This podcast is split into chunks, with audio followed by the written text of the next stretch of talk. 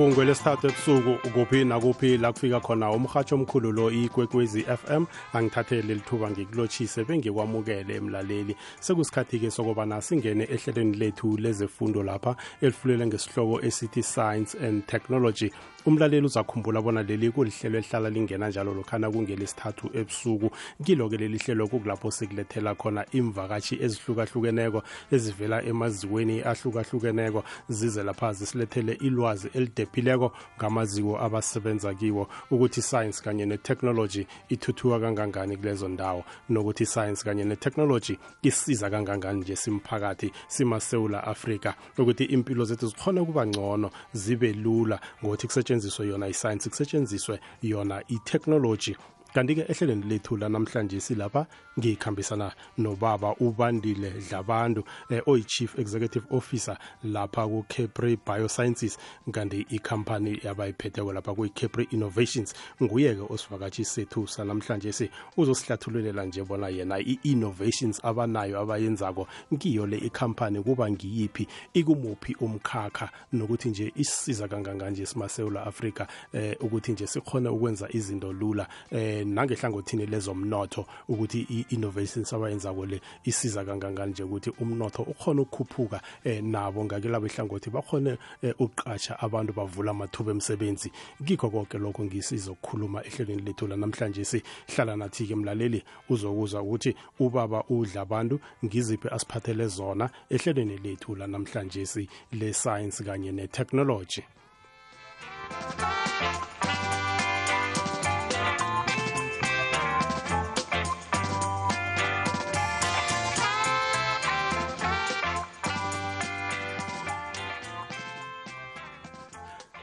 Njengobana-ke khe ngatsho lapha ngathi ngikhambisana nobaba ubandile dlabantu okunguye osivakatshi sethu. Sanamhlanje si eh singakarageli phambili-ke nesihloko sethu esisiphetheko namhlanje. Ngifuna ubaba akhalotshisa umlaleli ekhaya akhona ukuzwa bona sekakhona ehlelweni lethu lanamhlanje si le-science kanye ne-technology. Eh baba udlabantu lotshani Ah sawubona baba ninjani? siyaphila ungalotshisa nomlaleli ekhaya. Ah sanibona nibalaleli ekhaya. Ngiyajabula ukuthi ningimemile ukuthi ngizokhuluma nani today. Awuzwa-ke. Yazi abantu abafana nani nje khulukhulu emkhakheni lo we-science innovation ne-technology eh sibathanda khulu nje ukuthi eh bakhona nje uzokusiza umphakathi ukuthi izinto ebazenzako zikhona nje ukuthi zibe nomkhiqizo zibe nomphumela engcono kungasabi indlela leyakade bekusetshenziswa ngayo izinto. Akhe siyithome lula-ke lapha. Siba ubaba nje akhazitsho yena eh ukuthi njenge-CEO lapha ku-Capri Biosciences eh khuyini apha kwenzako nje mhlambe usihlathululele nakabanzi kabanzi ngekhampani yakho yenu le eh ngamafuphi nje? Oh siyabonga baba. Uh ikhampani yethu sayiqala ngo 2000 and uh 2012 um i-company lena i-collector i-waste ukudla uh waste yokudla and from various companies. And sisebenzisa ama black soldier fly ukuthi siwa process into i-fertilizer kunye nokudla kwezilwane. Izingulube izinkukhu kunye inhlanzi and sinawo nama products esinawo manje ase angena ezimbuzi izimvu kunye nezinkomo. So thina what we do sithatha le waste inkinga ye waste ngoba uyazi nawe indawo ohlala kuzo kune waste eningi especially waste yokudla okuyanuka kwenza ukuthi abantu bagule. So siyakususa thina lapho la kwenza khona inkinga sikuzise la kithi eh la eKrugersdorp nesiprocess into lama products esiphinde siwathengisele abalimi. So lapho sikhona sise kahisho um eChamdo eMokhale city eKrugersdorp kwaye kunye nase Springs uh, la eGauteng kulasikhona Mhm. Ake usitshele ngayo innovations le eniyenzawo le ukuthi mhlobo bani we innovations mhlambe nje ungayingezelela nokuthi kuyini okwenza ukuthi eh benibe eh nenze i-innovation efana nale. Mm. Innovation yethu ikwe kwicala le agricultural biotechnology lapho sisebenzisa khona iscience la ama bacteria ama insects khona ukuze sizenze ama products so thina into esohlukayo ukuthi si develop i technology which is ama our uh, technologies which is ama digester ethu akhona ukuyiprocessor le waste ngesikhathi esimafishane ukususa ama ivumba ukususa nokuthi izifo ezoba khona and then si process into lama products amasha. Manje ama products ethu are unique ngoba sihlisa ile iprice kuyo ye fertilizer ne compost for ama farmer sihlisa iprice yokudla and white whilst we deal ne problem ye waste kuma community ethu Mhm. Kuhle kuhle nje kuyini okwenza ukuthi eh benize ne innovations le eh ivumba ukhuluma ngayo le nanyana khona nje beninakho emkhumbulweni. Baba la, la ngikhuluma khona mina ngisuka maybe ngikhuluma nje ukuthi uCaprilo usuka kuphi. Ngisuka emakhaya e, e Eastern Cape um and ekhaya ke babekhulisa inkukhu. So inkukhu lezo ke bangibona ukuthi umkhulu ama price uh eland ama price okudla enkukhu ayakhuphuka each and every year. And ama prices abantu abafuna ukuthenga ngayo izinkukhu azikhuphuka kakhulu ngoba abantu mase uba pricela kakhulu angeke bayithenge. So umkhulu wayesoloko efuna nendlela zokuthi um ahlise iprice yakhona khona ukuze azokudeliver iproduct right ngemali at least efikelelekayo ngabantu. So yena wayemixa ke nama insects and nokudla waye collector from the local places as a mix yo yo yokudla kwakhe kwinkukhu so mina ke ngahamba ngaya university ngiyofunda khona ngafunda biotechnology ne-entomology. And then iCapri isuka kuleyo ndawo. From la ngakufunda kumkhulu and then sathatha lokho ngakufundiswa ngumkhulu sizolandela i-science khona ukuze sibone ama-principles. And then mase sifike egoli ngiyafika ngibona ukuthi la egoli ukudla kuyeza la egoli abantu bayadla and kune waste. Mm. so we can replicate the same model at a higher scale using science and technology. Ukuthi sifune sidesign nama kula biotechnology kwakhona ukuthi sidesign ama digester azokhona ukuyiprocessa le waste. Sikhona ukuprocessa izimpukane lezi sisebenza ngazo ukuthi zikhona ukulela ukuyiprocess waste sizokhupha lama products esiwafunayo. So uCapri ke uphuma kuleyo ndawo from ekhaya la sifunda indlela esifunde ngayo la sifundele khona esikolweni nokudiscover ukuthi la ngikhona egoli kunenkinga. And then we mm-hmm. stepped into uh, those three zontathu zahlangana kuzophuma uCapri khona Mhm. Lapha ukhuluma ngabo biotechnology nabo bioscience eh okuzizinto nje enizisebenzisako lapha. Eh ibioscience le ngakweleni ihlangothi ukuthi beugcine lapha ukuthi iyansiza akhe singene nje emhlobeni wempukani lo. Ukhuluma ngepukani esijayeleko nje ukuthi eh kukhona enikwenzako kiyo ukuthi nje ikhone ukudigest ukudla lokho kugcine sekuba eh iproduct impukane sisebenza ngazo baba kuthiwa yi-black soldier fly. Ziningi la emhlabeni kodwa mangibuza abantu abaningi mangibababonisa abantu ukuthi ayazi le mpukane abantu abayibone ngoba ihlalela ngale esigangeni ingakhathazi umuntu. So sisebenzisa zona khona ukuze zikhona ukudla lokudla lokhu and then siziprocess thina. The reason why si choose a black soldier fly is yabona lempukane lesiyijwayele mm. uma ihleze ekuhleni kwakho uzothola ama TB nani nani nani. Ugule i-black soldier fly yona mase ikhulile ayidli. So ngeke isuke ize kuwe izohlala phezulu ukudla kwakho izose ukungcola.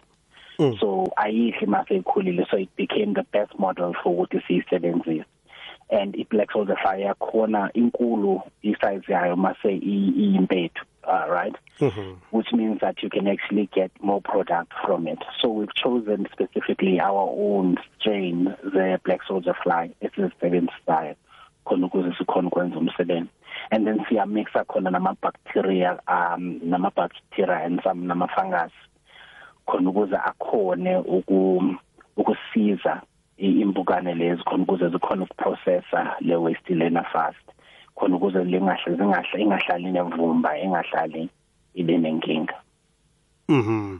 Uyazi ngendlela oyihlathulula ngayo le eh uthi i black soldier fly nekhulileko ayidli.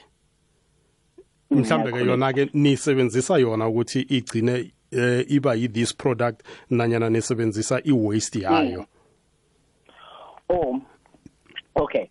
So sisebenzisa i-black soldier fly for eland for our for ukudla kwezilwane right Mm. siyayithatha siyiprocess siyomise siyitreat and then ibe ngama pellet la okudla so uh, ine protein iningi nama nama oils kunye nama vitamins la ezilwane zi- zi- ziyawathanda and ziyakhula ngawo manje isisu se black soldier fly angithi ngithe sifaka ama bacteria nani Mm. so eziyenzi iwaste esele ihlala inama enzyme kunye nama na na i- khona ukuze ikhona ukuba i-fertilizer so ifala i-black soldier fly lena ishintsha i- i-waste lena iyenze fertilizer and then thina sithatha i-black soldier fly lena siyenze ukudla kwezilwane Mhm.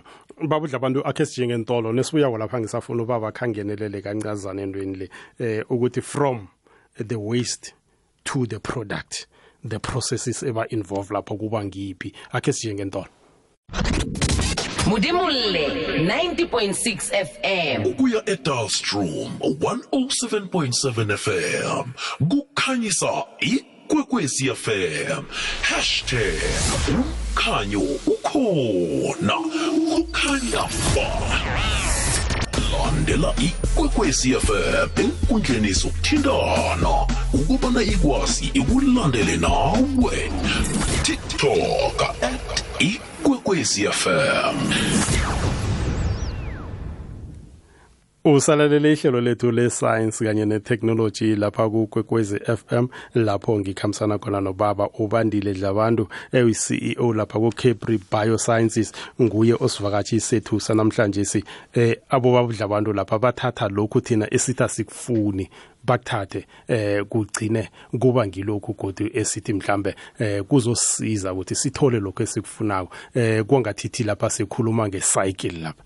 Babudla abantu angazi ukuthi lokho ngikubize bona eh sikhuluma ngecycle na nanyana nje mhlambe ngifuna ukuthi babudla abantu akhayithathe from lapha ku waste mhlambe siyithome njenge type of waste le okhuluma ngayo bese ke eh, nokuthi yenziwa njani these different types of waste zenziwa njani bese zikhipha eh, miphi imikhiqizo ama products okay ayike baba uqinisile ukuthi i-cycle angithi if si siya kwi-nature ngokuthi ihlala kanjani Mm. angithi ma eh, ma inkomo idla inqa and then iyenze inqa ukuthi ibe ubulongwe manje basowubona ubulongwe uye ubone bathi yina amabhungane inkuba bulongwe Mm. lezilwane lezi zidla khona zi- ziyayi break down ziyenze fertilizer kuphinde kukhule khona utshani inkomo ibuye iphinde izodla utshani lobo mm. Manje indlela esenza ngayo thina lana sithatha ukudla si si eh, lasithatha siyathatha icabbage siyochophe sisichophe sithatha okunye sokulahle ngale and then sidle sekufunayo. Lokulahle kuthathwa kuyolahlwa eland egarbage tip and then singabe siphinde si- sikhulume ngakho. Makufika khona kuthatha izinyanga eziningi ukuthi kubole kuzogulisa abantu kunabantu abaphila khona ubona umuntu manje e- e- esiya kule ndawo lekulahlelwa kuyo lokungcola ngo- ngobulambile. So base bayagula and uh, it's not a dignified way for abantu bokuhlala. Mm. so iCapri yona ithi unganjani ukuthi sithathe inature? So cabanga ke ukuthi iwaste esiyifunayo iwaste esuka kuma restaurant ama hotel iwaste esuka kuma factory awenza ukudla awenza ama juice izitolo ezikhiqiza ukudla like ama vegetables ama flour la uyo ama roast ama grocery Mm. sikholeka leyo waste and then siyayimixa and we treat it ngama bacteria sihlale isikhathi Mhm. and then from there siyayipheletha and then si sifake kuyo i-black soldier fly i-black soldier fly yona iyayidigesta esiza nala bacteria le besiyithelile kuqala iyidigeste and then khona ukuze after 10 days iyayi- iyayishintsha leya waste ukuze ibe yi ibe yi-compost. And then from there thina sisusa i-black soldier fly lena siyayiprocessa because lesilwane si- si- si- siyazi ukuthi ngisithandela lento siyadla mase sikhulile into siyenzayo si- isisu sakho yabona isisu sakho wena cabanga ukuthi usikhiphe sonke ngaphandle Mm. usilahlele la kude. Mhm. and then usa usale nje and then from there ushintshe ukuthi ube impukane. Sina leso stage sokuthi manje sikhiphile isisu enhlele ngaphandle ilindele ukuthi ishintshe ibe impukane. Siyathatha leso stage. We treat it further and then senze khona simixe kunye negrain and other ingredients khona kuze sibe nokudla for ifish for i ingulube and singakwazi nokwenza ukudla for inkomo and all of all of those. So what we've done is simply stepped into that part of nature to process i-waste khona ukuze singabi na waste because thina sifuna ukuthi singabi na waste i mean nomhlaba singenza lo mhlaba silahla kuyo lokudla lo. Yelo singawenza amapaka for abantwana. Singakha something khona so we want to reclaim those lands thina by finding a new process. Mhm. Manje singendlela otsho ngayo nje ukuthi iwaste leni isebenzisana nentolo ezenza ukudla eh mhlambe ipublic ngoba bakhona nje abantu asebalahlako njengokudla eh kuyaba nalapha enenza khona irelationship ukuthi umhlobo njengalo mhlambe we-waste kube nalapho uba khona nje bese nina nikuthathe kusukela lapho niyokwenza ama-product afana nala. Yebo baba.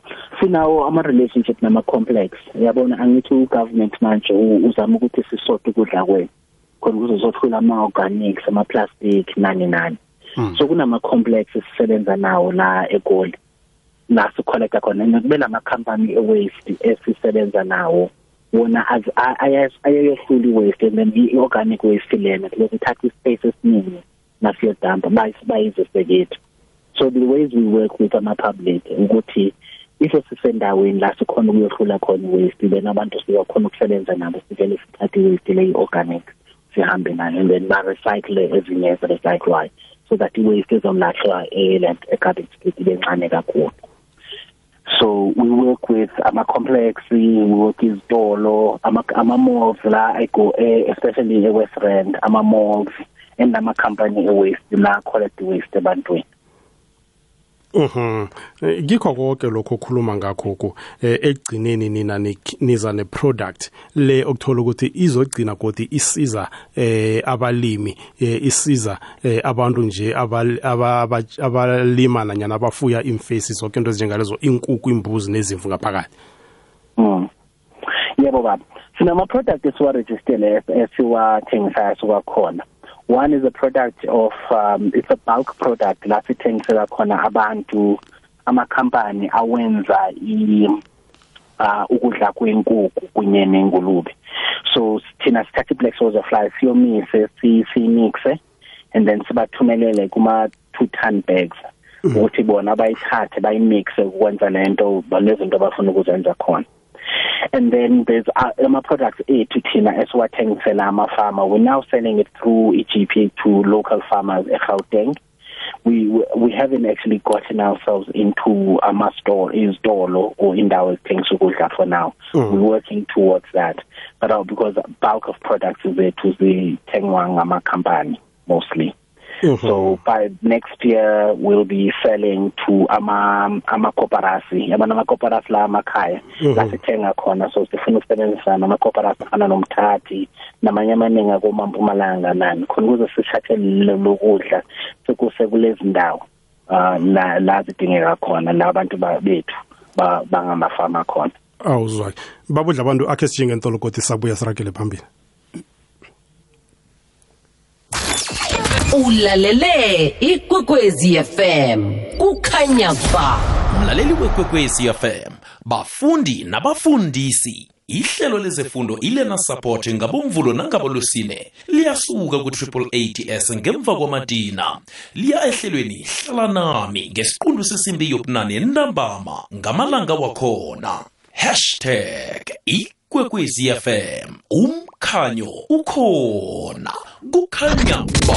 Budimulle 90.6 fm ukuya edalstrom 107.7 fm kukhanyisa ikwekwezi fm hashtag umkhanyo ukhona.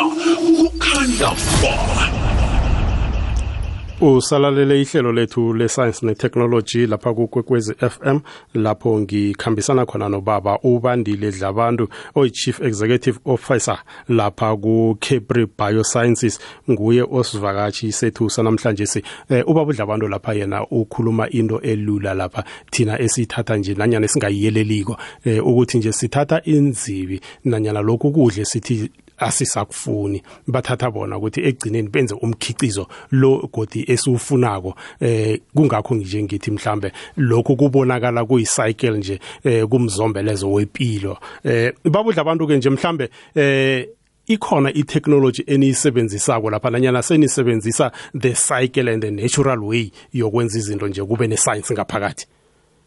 Mm.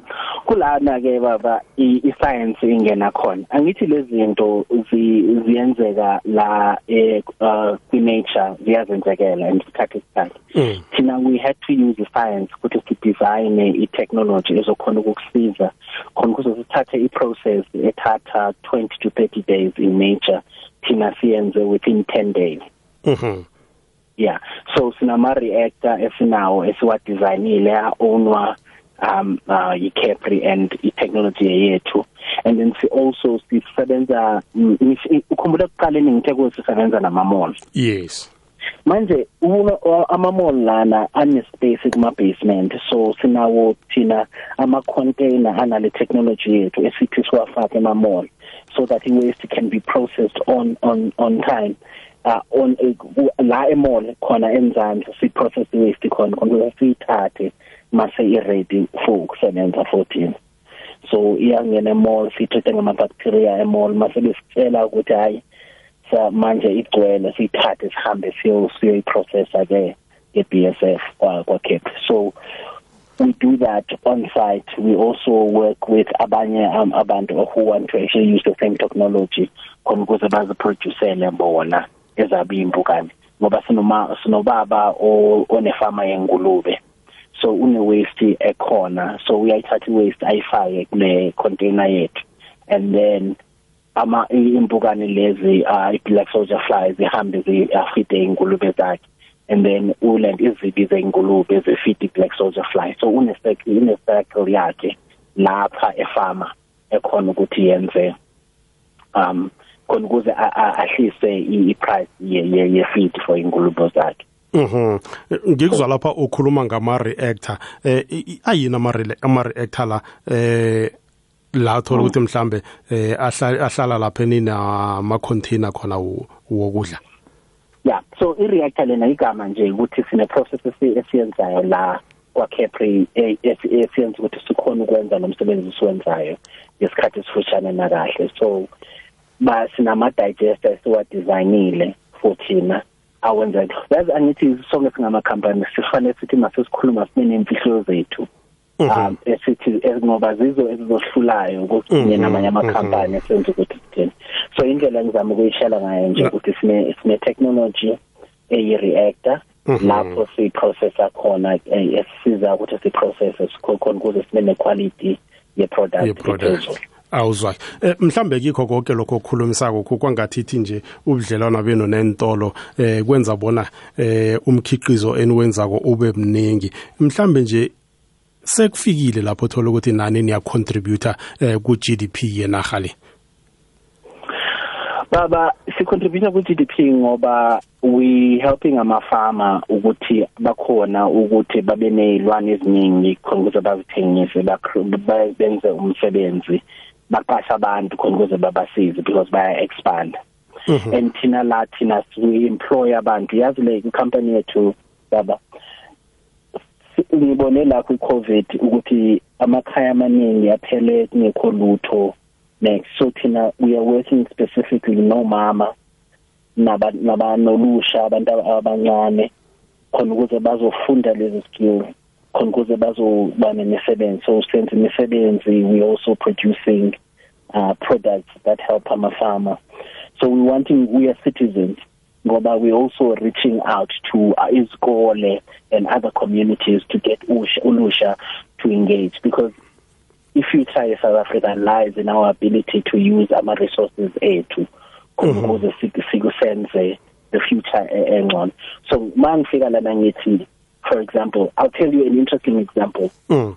kuno about 5 years ago kuno umfana wayeze uzokwenza internship nathi sisese lana eMolders Drift manje ufika kimi udesigne another design uh, that actually uses a byproduct uh, ye process yethu i-methane to create i-graphite i-graphite is a very important product kwi-manufacturing so um, umfana lona ubuye kahisho wazosebenza nathi waya university manje ucreate le technology ezomenza ukuthi abe internationally known ukuze naye acreate izinto ezinto.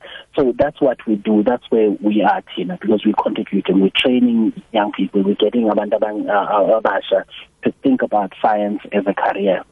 Because at the same time baba siyanda as mina njengomuntu ostudishe i-science ne? Mhm sonke sizibona sinalenkinga mangifika um, esikoleni ufunda for 3 years ngoba ekhaya at least unefsat nani nani. Mm. And then after 3 years manje it's hard ukuthi uthole umsebenzi as a science in science after 3 years. Mhm because most of the industries esinazo thina for science need umuntu onama masters anama PhD manje imagine ekhaya niba i10 ngokuqala ukuya university kubhekwe wena. Uzokhona na ukuhlala uze uyoqeda i-masters ngoba manje le masters yakho fanele ithathe ukudla ekhaya. Ukuzohamba wena uyafunda so thina that's why sinama company anjena khona ukuze sizothatha labantu bafunda bafundayo abanama matric aba amangama undergraduate universities to integrate them into a scientific uh, and that so that we can create new scientists. So we're also working the new students khona ukuze umuntu mase graduate azosebenza nathi. Mhm. Abanye banama project abo siyaba support bathi hayi sifuna i raw material yethu enjena. Mhm. Siyabasupport because we are in the end we are citizens of South Africa. And mhm. I mean I'm a full believer ukuthi the future of South Africa lies in us finding opportunities in the problems that we have today. That's where we're going to be beating every other country because uyazi la eMzansi asibaleke thina ma izinto zishisa la eMzansi so if sizohlala la asilungisele indawo sokuyo khona ukuze singabe nankinga. Mm mm mm. Yazi bengithi ngisazokubuza nje ngamathuba emsebenzi eninawo kodwa nje sowuchwile nje ukuthi niyaqasha nje ngehlangothini labo makhulu khulu. Ake sichejeke mhlambe eh ukuthoma umsebenzi nanyana ukuthoma innovation sekulu kangaka isizo enibe nalo nje mhlambe enilitholako lapha eh kwati technology innovation agency eh libe ngangani nje badlale indima engangani banisize eh mhlambe nje nge technology nanyana banisize eh financially baba yazi into yethu iqale ukuthi angithi ngitshelile kathi ngibuye emakhaya. So imali yokuthi sibe ne technology lena hayi bese siphume esikoleni sinama student loans nje kuphela. Sifuna umsebenzi. So siye sasizakala ke ngokuthi si innovation hub le ise Pretoria uh yasi invite ukuthi sizopitcha khona and we won a competition. khona ukuze and that competition gave us 150,000 rand right? Yes. that we could spend on starting uh, this project to test ukuthi singakhona na ukusebenza. From there siye safumana usizo from FIDA uFIDA actually wasisiza nge-startup uh, capital of 500,000 rand ukuze simove from siyiprovile manje ukuthi lento iyasebenza. And then the second stage is can we produce a product out of this? So usasizwa uFIDA kanjalo. Mhm. and then that's when from there ukuthi sinama product we got invited by the Swiss government Swiss government and the government of I mean we've been to Kenya we've been to America we've been to Europe koma koma Switzerland we've been to a lot of countries to khuluma ngalento gathering support and raising awareness of what we're doing. Even like Africa koma Kenya Namibia Nigeria all of these places from there we actually got um also Tia to come on board. Tia came and said okay we guys siyanibona ukuthi niyenzile lento esikhathi eside. And siyabona manje ukuthi iproduct ikhona. Manje fanele ukuthi lento ikhule khona ukuze abantu bazokhona ukuthi nizokhona ukuba ne-impact ukuthi babenefiteki yeah so iTIA ke yasinika a technology development grant of um of 11 million rand which is what actually helped us ukuthi sizothenga nale factory eKrugersdorp khona ukuze sizoprocessa khona Oh, and then from there further development of i-technology and then ne-DTI yafika yona yathi siyayibona le mali lena uthiya aninike yona khona ukuze nizokukhula naye enye imali which is about a similar amount. Mhm. khona ukuze sikhuphuke.